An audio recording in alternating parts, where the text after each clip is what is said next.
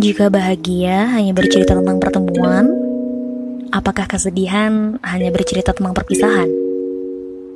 Sehitam putih itukah hidup ini?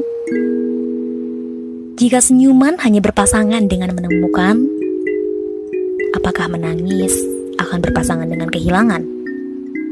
Sehambar itukah logika hati ini? Lalu bagaimana dengan seorang yang menemukan orang yang salah? Lalu berpisah untuk menjaga hatinya agar tak kembali terluka.